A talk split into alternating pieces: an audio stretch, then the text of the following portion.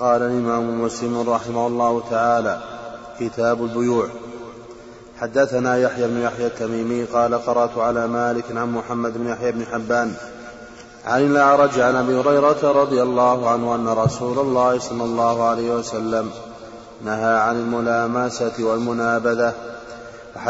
وحدثنا أبو كريب بن أبي عمر قال حدثنا وكيع عن سفيان عن أبي الزناد عن الأعرج عن أبي هريرة رضي الله عنه عن النبي صلى الله عليه وسلم مثله. وحدثنا أبو بكر بن أبي شيبة قال حدثنا حدثنا ابن نمير وأبو أسامة حاء وحدثنا محمد بن عبد الله بن نمير قال حدثنا أبي حاء وحدثنا محمد بن المثنى قال حدثنا عبد الوهاب كلهم عن عبيد الله بن عمر عن خبيب بن عبد الرحمن عن حفص بن عاصم عن أبي هريرة رضي الله عنه عن النبي صلى الله عليه وسلم بمثله. وحدثنا قتيبة بن سعيد قال حدثنا يعقوب يعني بن عبد الرحمن عن سهيل بن أبي صالح عن ابيه عن أبي هريرة رضي الله عنه عن النبي صلى الله عليه وسلم مثله.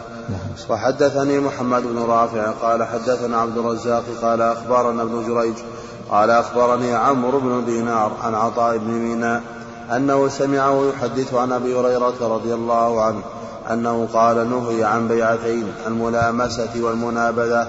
أما الملامس فأن يلمس كل واحد منهما ثوب صاحبه بغير تأمل.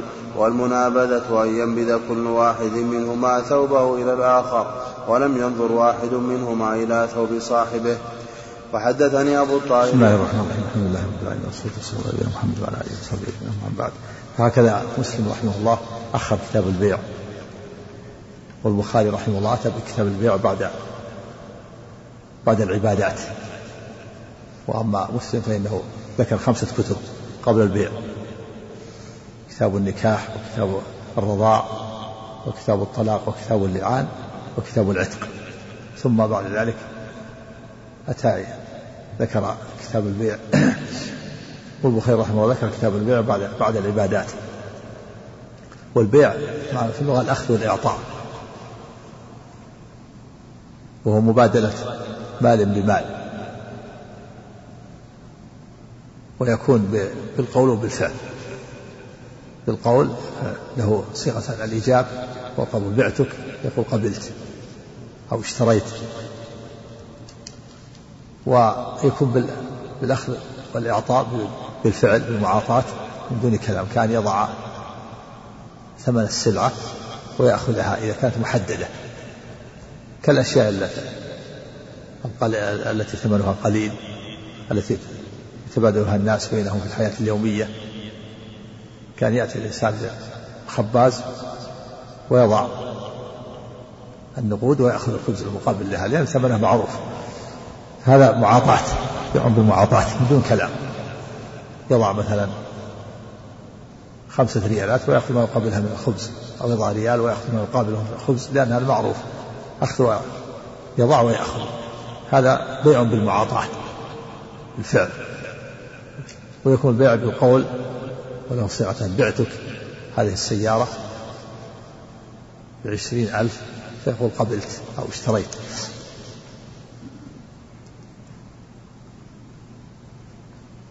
وهناك بيوع نهي عنها نهى النبي صلى الله عليه وسلم عنها لما فيها من الغرض كبيع الملامسة والمنابذة. والملامسة فسر في الحديث أن يلبس الرجل الثوب ولا ينظر إليه ولا يقلبه ولا يتأمل فيكون هذا بيعا له. والمنابذة أن ينبذ إليه الثوب ويكون هذا ويكون نبذه إليه بيعا له بمثابة القبول وليس له خيار. فهذا منهي عنه لما فيه من الغرض. لأن الإنسان قد بعد ذلك يتبين له أنه غير مناسب أو أنه مغبون. فلا ينبغي أن يكتفي باللمس. بل لابد أن ينظر ويقلب ويتأمل. وكذلك يكتفي بالنبذ وهو الطرح. وقد يكون منابذة بين الشخصين. كل كان ينبذ إليه ثوبه وينبذ الآخر إليه ثوبه ويكون هذا بيعا لهما. مجرد النبذ للطرح اطرح علي هذه السلعة واطرح عليك السلعة. ويكون هذا الطرح هو البيع بدون تأمل بدون نظر. هذا لا يجوز. هذا بيع غرض محرم بيع الملامسة والمنابذة بأي صورة. وذكر بعض العلماء لها صور متعددة. أي صورة من صور الملابسة أو أي صورة من صور المنابذة فهي لا تجوز لما لما فيه من عدم التأمل والنظر ولما فيه من الغرض والغبن. فلا بد أن ينظر الإنسان ويقلب ولا يكتفي بمجرد اللمس. بعضهم فسر اللمس بأن يأتي بثوب مطوي ويعطيه إياه ولا ينظر إليه. بعضهم قال أن يعطيه إياه في في ظلمة ظلمة الليل. وكذلك النبل النبل ينبذ كل واحد منهم إلى الآخر أو ينبذ إليه ويقول أي سلعة نبذتها إليك فهذا عليك بكذا. والمقصود أن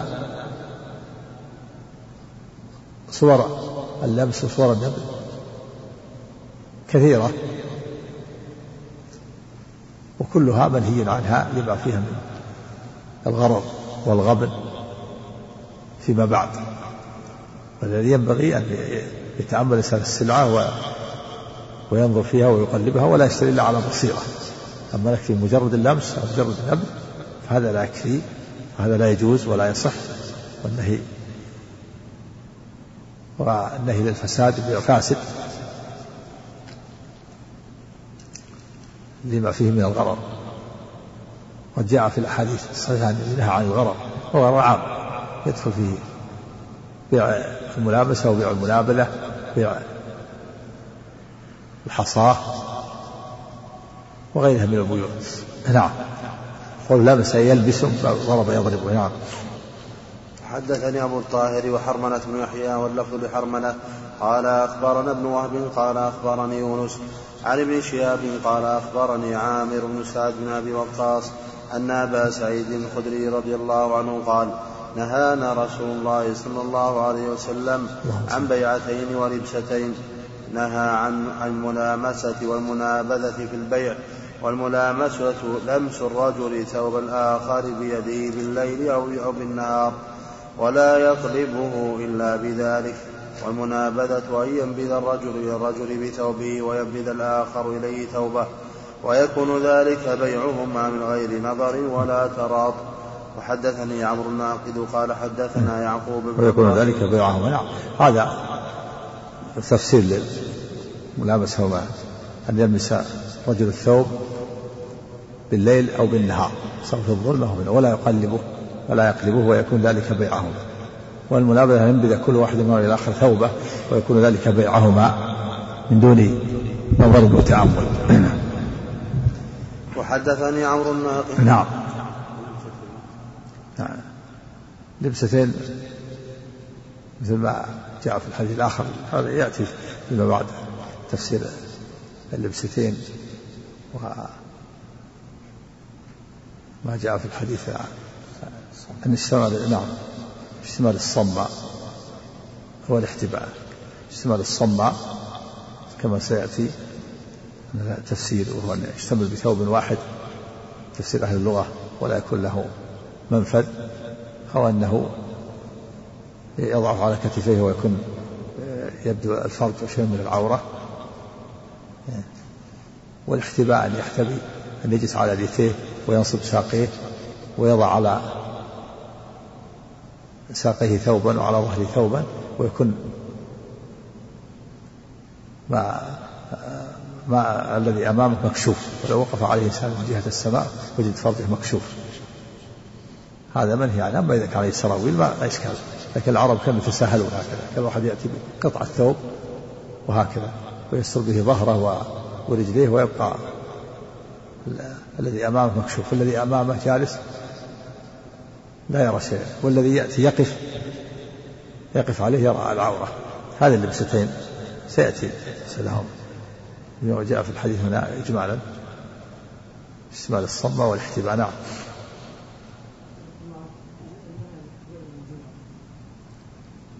نعم لأنه يفضي إلى النعاس إذا احتوى جلس على اليتيه ونصب ساقيه قد يضع يديه على على ساقيه وقد يضع حبل يربطه على ظهره وعلى وعلى ساقيه فيكون بمثابة المتكي فيأتيه النعاس ليس على الخطبة. نعم.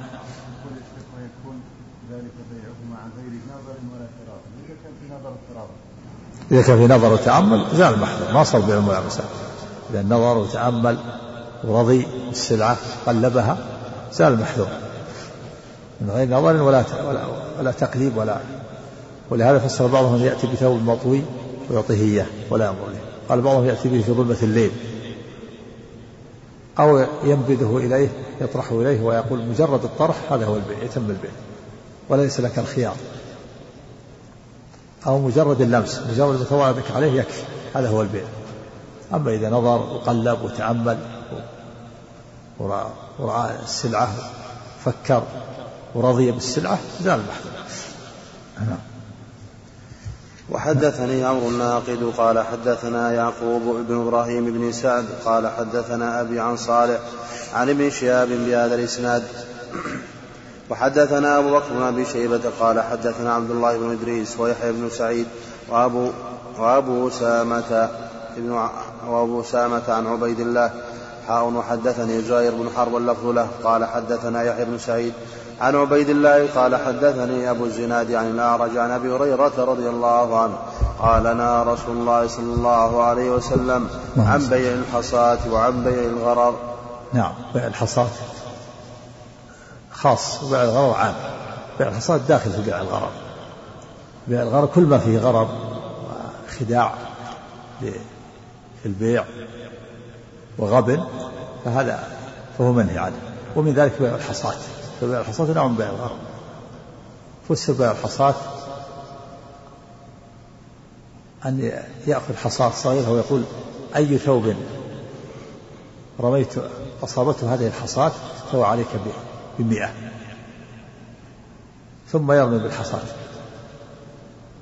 قد يرمي الحصاة على ثوب معلق ما يساوي إلا عشرة ريالات. وقد يرمي على ثوب يساوي خمسمائة هذا غرر وفسر بيع الحصاة بأن يبيع عليه قطعة جزء من الأرض. ويقول بعتك بكذا ما تصل ما ما تصل إليه الحصاة ثم يرمي بالحصاة يرمي بالحصاة هذا حد البيع من الأرض. يمكن مسافة الحصاة قد تتجاوز 100 متر. يمكن ما تتجاوز مترين هذا فيه غرض. يقول بعتك من هذه الأرض ما تنتهي إليه الحصاة. ثم يرمي بها. فقد يرمي الحصاة تكون بعيدة وتتجاوز 100 متر أو 50 متر. وقد تكون الحصاة ما تتجاوز مترين. يكون فيها غرض. فرق بين من يشتري مترين وبين من يشتري 100 متر. بعتك من هذه الأرض ما تأتي إليها هذه الحصاة أو بعتك ما تصيب هذه الحصاة من هذه السلعة من هذه الثياب المعلقة. ثم يرمي بالحصاة على الثوب. هذا فيه غرض نوع من الغرض. فبيع الحصاة نوع من الغرض. وقد وقد يكون لها صور أخرى غير هذه الصورة. كل بيع الحصاة منهي عنه لما فيه من الغرض. وهو داخل في قول بيع الغرض. خاص هذا خاص وهذا عام. تخصيص مع تخصيص وتعميم نهى عن بيع الحصاة وعن بيع الغرض. ويدخل في بيع, بيع الغرض بيع السمك في الماء. لأنه غير مقدور على تسليمه. بيع الطير في الهواء. غير مقدور على تسليمه. هذا بيع غرض بيع الجمل الشارد كما يستطيع تسليمه. وبيع العبد الآبق. كل هذا من بيوع الغرض. بيع المجهول الذي لا يعلمه. يعطيك سلعة ولكن ما يصفها بأوصاف. هذا فيه غرض. وكذلك إذا كان الأجل مجهول بيع المعدوم بعتك ما في بطن هذه الناقة وكما سيأتي وبيع حبل الحبلة. كل هذه من بيوع الغرر المحرم المحرم منهي عنها فلا يبيع السمك في الماء حتى يقدره لأن لا يقدر على تسليمه ولا يبيع الطير وهو في الهواء حتى يسلمه. ولا يبيع الجمل الشارد حتى يأتي به ولا يبيع العبد الآبق حتى يأتي من إباقه وهروبه عن سيده. عبد هرب من سيده ثم باعه هذا ما يقدر على تسليمه نعم. كله واحد إذا البائع والمشتري كل هذا بس لكن في الغالب البائع إذا رميت هذه الحصاة فما تصل إليه من هذه الأرض فهو لك بكذا. أو ما تصيبه من هذه الثياب فهو لك بكذا. وقد يكون المشتري يقول أنا أريد أن أرمي هذه الحصاة. وما أصابت فهو لي فهو علي بكذا فيرضى البائع بهذا سواء كان المشتري أو من البائع. نعم. حدثنا يحيى بن يحيى ومحمد بن رمح قال أخبرنا الليث حاء وحدثني حدثنا قتيبة بن سعيد قال حدثنا ليث عن نافع عن عبد الله رضي الله عنه عن رسول الله صلى الله عليه وسلم أنه نهى عن بيع حبل الحبلة حدثنا زهير بن حرب ومحمد المثنى واللفظ لزهير قال حدثنا يحيى وهو القطان عن عبيد الله قال أخبرني نافع عن ابن عمر رضي الله عنهما قال كان أهل الجاهلية يتبايعون لحم الجزور إلى حبل الحبلة وحبل الحبلة أن تنتج الناقة ثم تحمل التي تنتج ثم تحمل التي تنتج نتجت التي نتجت, نتجت فنهاهم ثم تحمل التي نتجت فنهاهم رسول الله صلى الله عليه وسلم عن ذلك. حدثنا يحيى بن يحيى قال قرأت على مالك عن نافع عن ابن عمر رضي الله عنهما أن رسول الله صلى الله عليه وسلم قال لا يبع بعضكم على بيع بعض. هذا حبل الحبله فسر بتفسيرين. التفسير الأول ما ما ذكر في الحديث أنهم كانوا يبتاعون لحم الجزور إلى أن تنتج الناقة ثم تنتج التي نتجت. فيكون البيع مؤجل بما فيه البيع مجهول الأجل مجهول. يقول بعتك لحم الجزور وتعطيني الثمن إذا نتجت هذه الناقة ثم نتجت التي في بطنها. يعني بعتك هذه السلعة ويكون الثمن مؤجل إلى أن تلد الناقة ما في بطنها ثم تلد ثم يلد الولد أيضا. فهذا فيه جهالة لما فيه من جهالة الأجر. وفسر بأنه بيع نتاج النتاج. يقول بعتك ما يلده ما في بطن هذه الناقة. إذا ولدت الناقة ثم حملت وولدت يكون بيع نتاج النتاج يكون بيع معدوم مجهول. بعتك حبل الحبلة فسر بتفسيرين فسر بينه بيع نتاج النتاج. يعني بعتك ما يلده ما في بطن هذه الناقة. فإذا هذه الناقة الحامل إذا ولدت أنثى ثم ثم حملت وجاءت بولد يكون بيع ولد الولد نتاج النتاج. وهذا بيع معدوم. وفسر بأنه بالأجل. يعني بعتك هذه السلعة ويحل الثمن إذا ولدت ولد الناقة. وكل منهما منهي عنه. أما الأول فإنه بيع معدوم ومجهول وأما الثاني فلأن الأجل مجهول. نعم. وهذا من البيوع التي تبايعها أهل الجاهلية. نعم. حدثنا يحيى بن النبي صلى الله عليه وسلم. نعم. حدثنا يحيى بن يحيى قال قرأت على مالك عن نافع عن ابن عمر رضي الله عنهما أن رسول الله صلى الله عليه وسلم قال لا يبيع بعضكم على بيع بعض. حدثنا زهير بن حرب ومحمد مثنى واللفظ لزهير. قال حدثنا يحيى عن عبيد الله قال أخبرني نافع عن ابن عمر رضي الله عنهما عن النبي صلى الله عليه وسلم قال لا يبيع الرجل على بيع أخيه ولا يخطب على خطبة أخيه إلا أن يأذن له.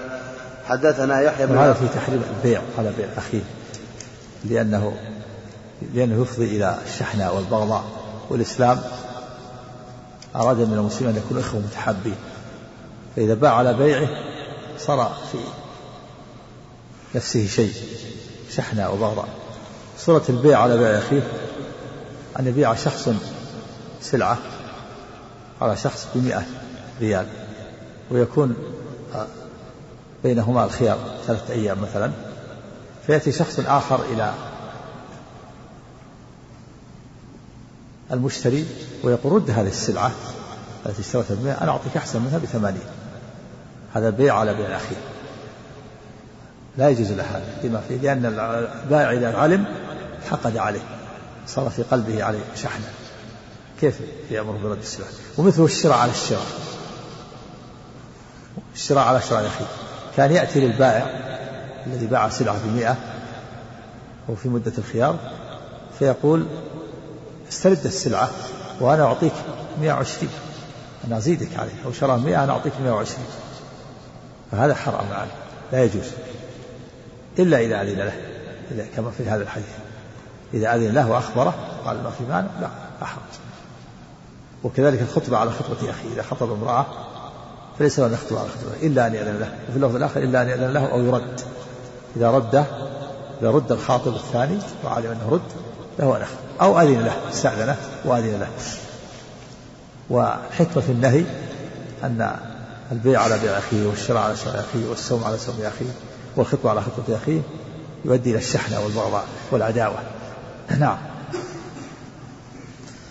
حدثنا يحيى بن حدثنا يحيى بن أيوب وقتيبة بن سعيد وابن حجر قالوا حدثنا إسماعيل وهو ابن جعفر عن العلاء عن العلاء عن ابيه عن أبي هريرة رضي الله عنه أن رسول الله صلى الله عليه وسلم قال لا يصوم المسلم على صوم أخيه. وحدث وهذا كذلك الصوم على صوم أخيه. والصوم على صوم أخيه كان يأخذ الإنسان سلعة ويسومها فيقول بمئة فيركن البائع إليه. و ولا يردها. كان يكون كانه ركن ورضي بالسلعة.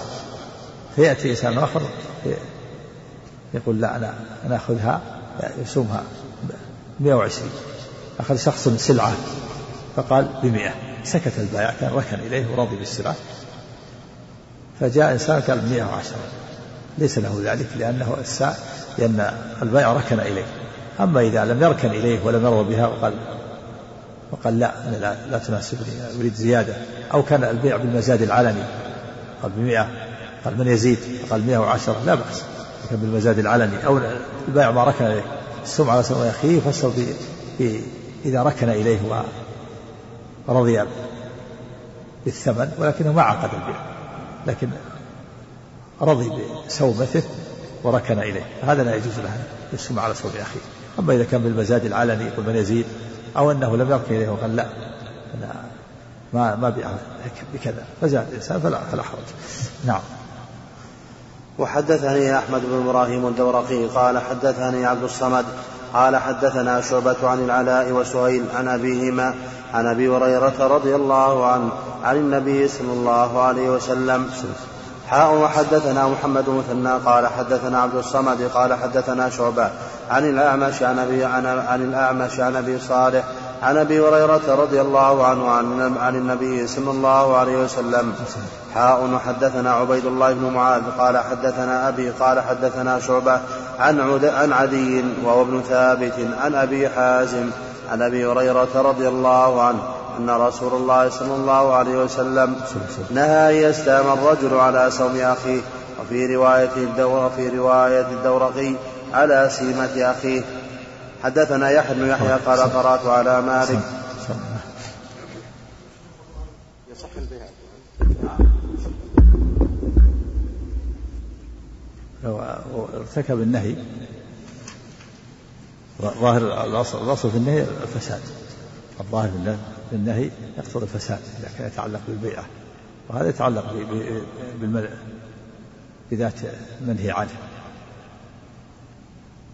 لا يجوز البيع على بيع اخيه يحرم. نعم ولا صح. نعم. نعم. نعم. لا عند هذا على باب الأغلب. هذا جاء على الأغلب وإلا فإنه لا يجوز. إذا كان من أهل الذمة فلا يبيع على بيعه. إذا كان له عهد بذمة ولكن قول أخيه خرج مخرج الغالب. نعم. إذا كان بلد فيها ذميون فليس له ذلك. نعم. أحسن الله عليك حدثنا يحيى بن يحيى قال قرأت على مالك عن أبي الزناد عن الأعرج عن أبي هريرة رضي الله عنه أن رسول الله صلى الله عليه وسلم قال لا يتلقى الركبان لبيع ولا يبع بعضكم على بيع بعض. ولا تناجشوا ولا يبع حاضر لباد ولا ولا تصبوا الإبل والغنم فمن ابتاعها بعد ذلك فهو بخير النظرين. بعد أن يحلب بعد أن يحلبها فإن رضيها أمسكها وإن سخطها ردها وصاعا من تمر. نعم وهذا الحديث فيه نهي عن عدة بيوع. في تلقي الركبان. وتلقي الركبان هو أن أن يأتي أن يخرج شخص من البلد ويتلقى من يأتي من خارج البلد الذين يجيبون السلع إلى البلاد فيشتري منهم فهذا منهي لأنه يشتريها بأقل من ثمنها ثم يبيعها على الناس بغلاء فيضر الناس. و وهذا الذي يشتري منه السلعة إذا هبط إلى السوق ووجد أنه مغبون فله الخيار كما جاء في الحديث الآخر الذي جعله الخيار. فهو مخير إن شاء رد السلعة إذا كان مغبون وإن كان وإن شاء أمضى البيع. فلا يجوز للإنسان أن يتلقى الركبان بل ينتظر حتى يأتي البلد. لأنه هذا الذي يتلقى الركبان يشتريها برخص ثم يبيعها الناس بغلاء فيضر الناس. هذا يتلقى والبيع على بيع أخيه سبق الكلام عليه. والنجش ولا تناجش والنجش هو الزيادة في السلعة ممن لا يريد شراءها. النجش من نجش ينجش. ينجش نجشا ضرب يضرب ضربا. إذا زاد في السلعة وهو لا يريد شراءها. وأصلا من نجش الصيد إذا أثاره من مكانه. سمي من يزيد في السلعة نجسا لأنه يثير السلعة. ويزيد فيها وهو لا يريد شراءها لكن لينفع البائع أو ليضر المشتري. هذا حرام عليه. والنجس عاصم. مرتكب لهذه المعصية. وكذلك نهى عن قال ولا تصروا الإبل والغنم. وأصلا تصروا يعني تصرروا والتصفية معنى حبس اللبن في الضرع بأن يترك الحليب أو اللبن في ضرع الدابة إذا أراد بيعها حتى يكثر فيغتر المشتري ويظن أن هذا الحليب في كل يوم يترك يومين ثلاثة ما يحلبها سواء كانت خلفة من الإبل أو بقرة أو شاة أو من المعز يحبس اللبن في ضرعها ولا يبيعها. فإذا اشترى المشتري المصراه ثم حلبها وتبين له أنه أن حليبها أقل من هذا وأنه غره ولم يخبره بأنه حبس اللبن فله الخيار ثلاثة أيام. إن شاء أمسكها وإن شاء ردها ورد معها صاع من تمر مقابل الحليب. وهذا قطع للنزاع في قطع للنزاع سواء كان الحليب قليل أو كثير. قطع النزاع يرد معها صاع من تمر نعم أعد الحديث.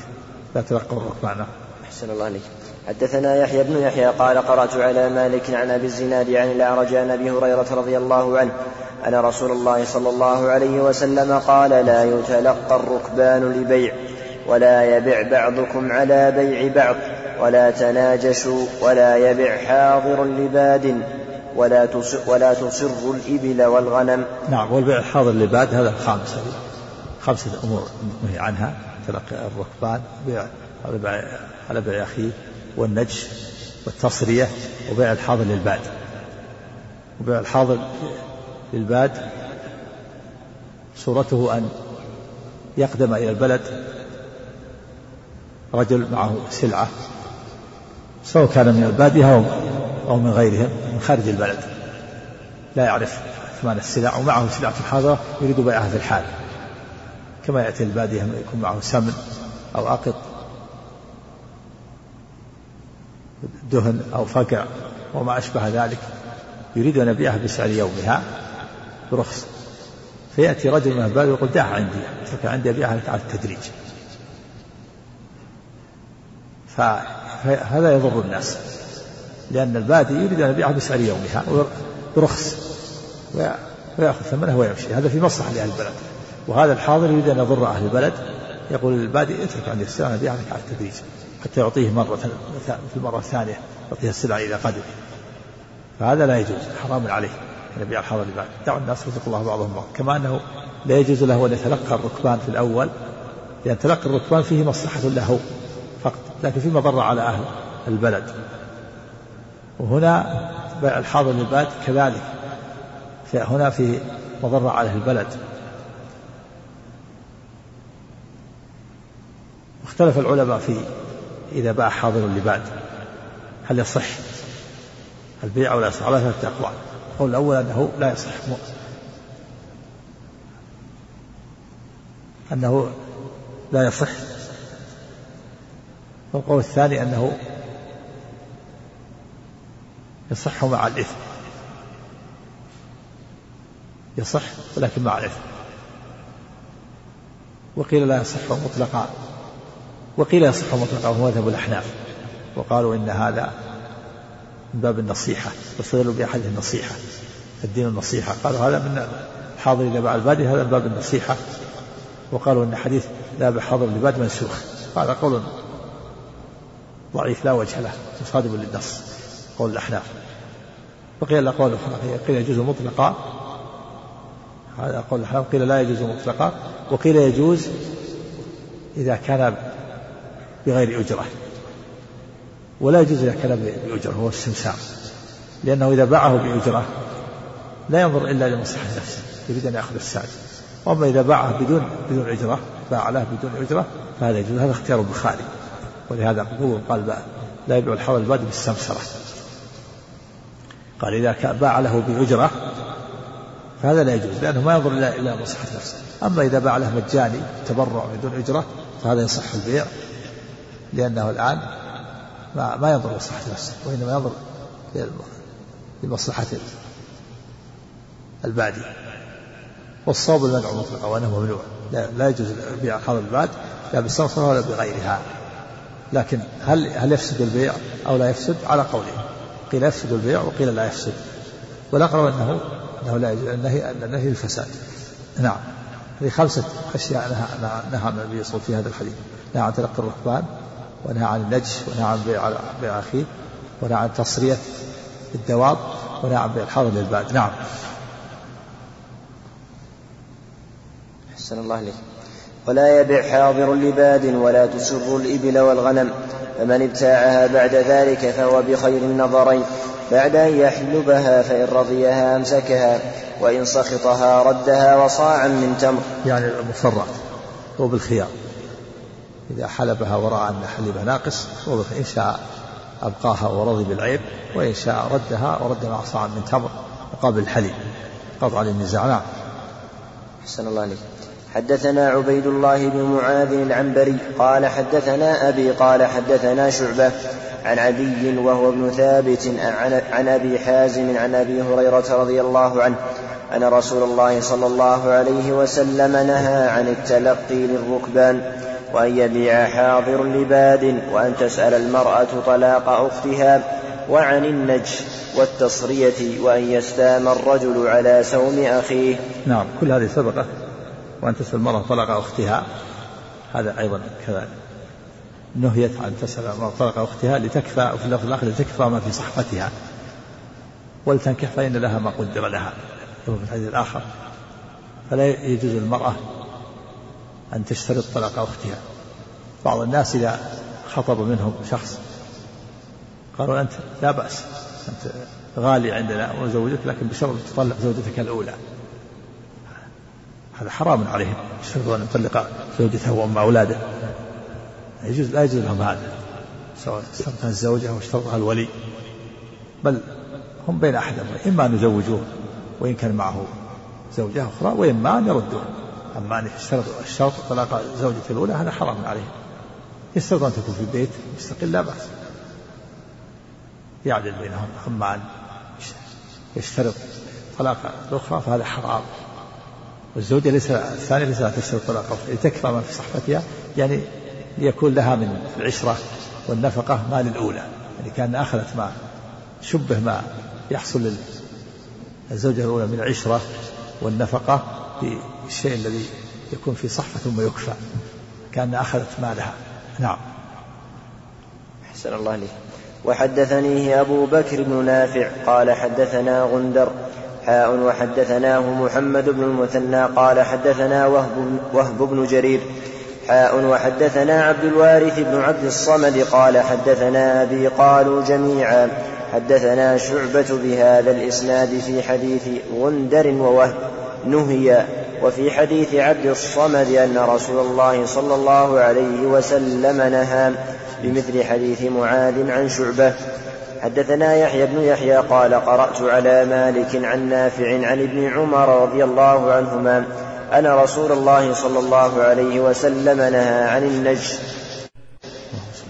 حدثنا أبو بكر بن أبي شيبة قال حدثنا ابن أبي زائدة حاء وحدثنا ابن المثنى قال حدثنا يحيى يعني ابن سعيد حاء وحدثنا حاء وحدثنا ابن نمير قال حدثنا أبي كلهم عن عبيد الله عن نافع عن ابن عمر رضي الله عنهما أن رسول الله صلى الله عليه وسلم نهى أن تتلقى السلع حتى تبلغ الأسواق. وهذا لفظ ابن نمير وقال الآخران إن النبي صلى الله عليه وسلم نهى عن التلقي. نعم وفيه أن حدها أن يهبط به الأسواق.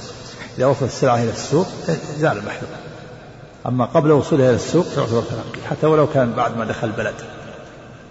حتى تصل إلى السوق حتى يهبط بها الأسواق. نعم. عفى الله عنك. وحدثني محمد بن حاتم ابن حاتم وإسحاق بن منصور. جميعا عن ابن مهدي عن مالك عن نافع عن ابن عمر رضي الله عنهما عن النبي صلى الله عليه وسلم. بمثل حديث ابن نمير عن عبيد الله. وحدثنا أبو بكر بن أبي شيبة قال حدثنا عبد الله بن عبد الله بن مبارك عن التيمي. عن أبي عثمان عن عبد الله عن النبي صلى الله عليه وسلم أنه نهى عن تلقي البيوع. حدثنا يحيى بن يحيى قال اخبرنا هشيم عن هشام عن هشام عن ابن سيرين عن أبي هريرة رضي الله عنه قال نهى رسول الله صلى الله عليه وسلم أن يتلقى الجلب. حدث نعم يجلب السلعه يعني خارج نعم. حدثنا ابن أبي حدثنا ابن أبي عمر قال حدثنا هشام بن سليمان عن ابن جريج قال أخبرني هشام هشام القردوسي عن ابن سيرين قال سمعت أبا هريرة رضي الله عنه يقول إن رسول الله صلى الله عليه وسلم قال لا تلقوا الجلب فمن تلقاه فاشترى منه فإذا أتى سيده السوق فهو سيده. أحسن الله فإذا أتى سيده السوق فهو بالخيار. نعم فيه دليل على إثبات الخيار لمن تلقي منه.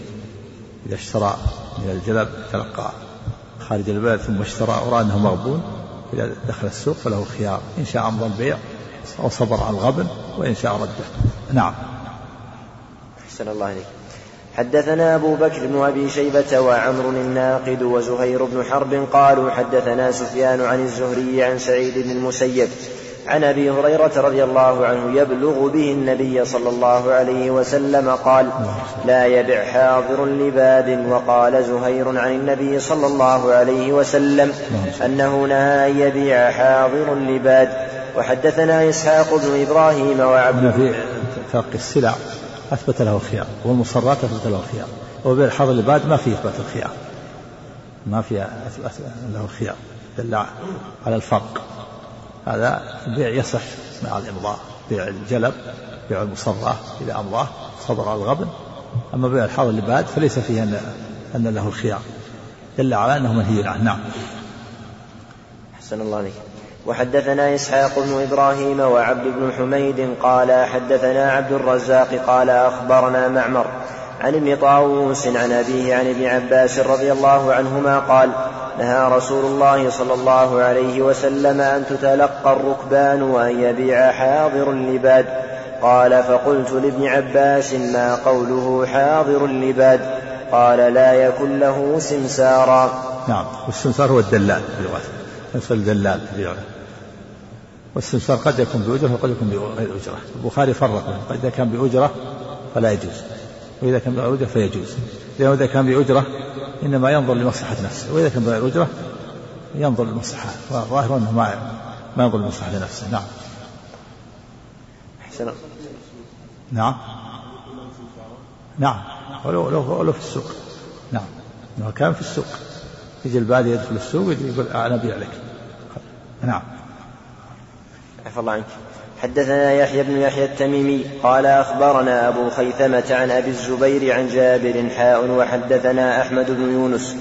قال حدثنا زهير قال حدثنا أبو الزبير عن جابر رضي الله عنه. قال قال رسول الله صلى الله عليه وسلم لا يبع حاضر لباد دعوا الناس يرزق الله بعضهم من بعض. نعم هذا الحكمة. دعوا الناس يرزق الله بعضهم من بعض. البادي يبيع سلعته بما تيسر يمشي في الحال. صاحب شغل. وهذا يمسكها ويبيعها على الناس في غلا خليها. نعم.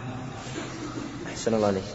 قال قال رسول الله صلى الله عليه وسلم لا يبع حاضر لباد دعوا الناس يرزق الله بعضهم من بعض غير أن في رواية يحيى يرزق. حدثنا أبو بكر بن أبي شيبة وعمر الناقد قال حدثنا سفيان بن عيينة عن أبي الزبير عن جابر رضي الله عنهما عن النبي صلى الله عليه وسلم بمثله. وحدثنا يحيى بن يحيى قال أخبرنا هشيم عن يونس عن ابن, عن ابن سيرين عن أنس بن مالك رضي الله عنه. قال نهينا قال نهينا أن يبيع حاضر لباد وإن كان أخاه أو أباه. نعم ولو كان أخاه. كان أخاه لأمه وأبيه. ولو كان أخوه لا يبيع له. نعم لأن المراد مصلحة الناس. وهذا يضر الناس. يضر الناس لأجل مصلحة واحد. نعم. أحسن الله عليك حدثنا محمد بن المثنى قال حدثنا ابن أبي عدي عن ابن عون عن محمد عن أنس رضي الله عنه حاء. وحدثنا ابن المثنى قال حدثنا معاذ قال حدثنا ابن عون عن محمد قال قال أنس بن مالك رضي الله عنه نهينا أن يبيع حاضر لباد حدثنا عبد الله بن مسلمة ابن, قعنب قال حدثنا داود بن قيس عن موسى بن يسار عن أبي هريرة رضي الله عنه قال قال رسول الله صلى الله عليه وسلم من اشترى شاة مصراة فلينقلب بها فليحلبها فإن رضي حلابها أمسكها وإلا ردها ومعها صاع من تمر. حدثنا قتيبة بن سعيد قال حدثنا يعقوب يعني ابن عبد الرحمن القاري عن سهيل عن أبيه عن أبي هريرة رضي الله عنه أن رسول الله صلى الله عليه وسلم قال من ابتاع شاة مصراة فهو فيها بالخيار ثلاثة أيام إن شاء أمسكها وإن شاء ردها ورد معها صاعا من تمر. ابتاع يعني اشترى. نعم. فيه إثبات الخيار ثلاثة أيام. لأنه قد في اليوم الأول ما يتبين له في اليوم الثاني فثلاثة أيام ثم اليوم الثالث يتبين له. نعم. أحسن الله حدثنا محمد بن عمرو بن جبلة بن أبي رواد قال حدثنا أبو عامر يعني العقدي قال حدثنا قرة عن محمد عن أبي هريرة رضي الله عنه عن النبي صلى الله عليه وآله وسلم قال من اشترى شاة مصراة فهو بالخيار ثلاثة أيام إن ردها فإن ردها رد معها صاعا من طعام لا سمراء يعني قطع للنزاع والبلد الذي ما فيها تمر صاع من طعام من طعام البلد. قطعا للنزاع نعم سواء كان الحليب قليل أو كثير. نعم. نعم إذا كان نعم إذا كان خارج من خارج البلد نعم. أحسن الله عليك. حدثنا ابن أبي عمر قال حدثنا سفيان عن أيوب عن محمد عن أبي هريرة رضي الله عنه قال قال رسول الله صلى الله عليه وآله وسلم من اشترى شاة مصراة فهو بخير النظرين إن شاء أمسكها وإن شاء ردها وصاعا من تمر لا سمرا. وحدثناه ابن أبي عمر قال حدثنا عبد الوهاب عن أيوب بهذا الإسناد غير أنه قال من اشترى من الغنم فهو بالخيار حدثنا محمد بن رافع. سمراء الحنطة يعني ما يرد حنطة وإنما يرد صاع من تمر نعم. عفى الله عنك. حدثنا محمد بن رافع قال حدثنا عبد الرزاق قال حدثنا معمر عن همام بن عن همام بن منبه قال هذا ما حدثنا أبو هريرة رضي الله عنه عن رسول الله صلى الله عليه وآله وسلم. فذكر أحاديث منها وقال قال رسول الله صلى الله عليه وسلم إذا ما أحدكم اشترى لقحة مصراة أو شاة مصراة فهو بخير النظرين بعد أن يحلبها إما هي وإلا فليردها وصاعا من تمر. وإذا ما هذه ما زائدة بالتأكيد يعني إذا اشترى إذا ما اشترى إذا اشترى. لقحة. يقال لقحة لقحة كسر لقحة من الإبل. أو من الغنم. نعم. عفى الله عنك. حدثنا يحيى بن يحيى قال حدثنا حماد بن زيد حاء وحدثنا أبو الربيع العتكي. وقتيبة قال حدثنا حماد عن عمرو بن عن عمرو بن دينار عن طاووس عن ابن عباس رضي الله عنهما أن رسول الله صلى الله عليه وسلم قال من ابتاع طعاما فلا يبع نعم. إيش؟ المصرة وتلقي الركبان فيها الخيار. إذا تلقى الركبان تلقى خارج البلد فله الخيار إذا رأى أنه مغبون وإذا اشترى شاة مصرة فله الخيار. أما بيع الحاضر للباد ما في ما, ما ذكر في له الخيار. ولهذا الصحيح أنه لا يصح البيع. وقال آخرون يصح والأحناف قال هذا من النصيحة عملوا بأحد من النصيحة. وقال البخاري إنه يصح إذا كان إذا كان بالسمسرة بدون أجرة. نعم.